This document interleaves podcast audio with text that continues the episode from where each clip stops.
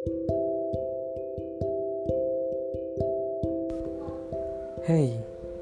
ya kali ini gue mau bahas tentang 8 kecerdasan manusia.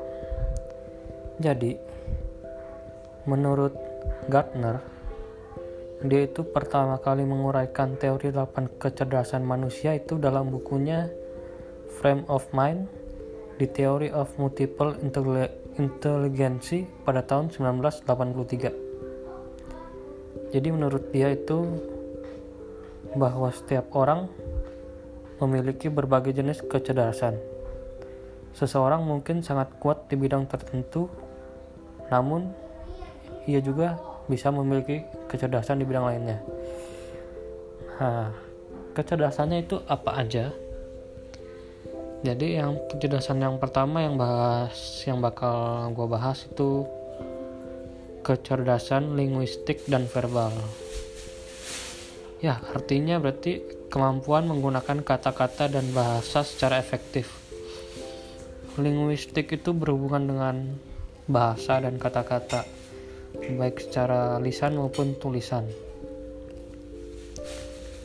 Orang yang termasuk tipe ini biasanya dia sangat pandai menulis cerita, menghafal informasi, dan membaca. Nah, ciri-cirinya itu pandai mengingat informasi tertulis dan lisan, suka membaca dan menulis,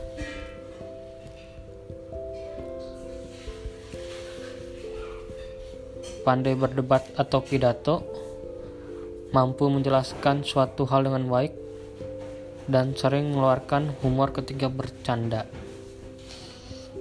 Ya, kira-kira pekerjaan yang cocok untuk tipe ini itu penulis, jurnalis, pengacara, dan guru. Untuk selanjutnya itu kecerdasan logika dan matematis. Jadi, kecerdasan logika dan matematis adalah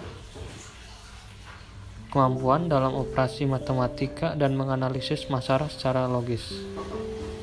Ya, berarti dia mempunyai apa ya? Daya pikir tentang logisnya itu berjalan dengan baik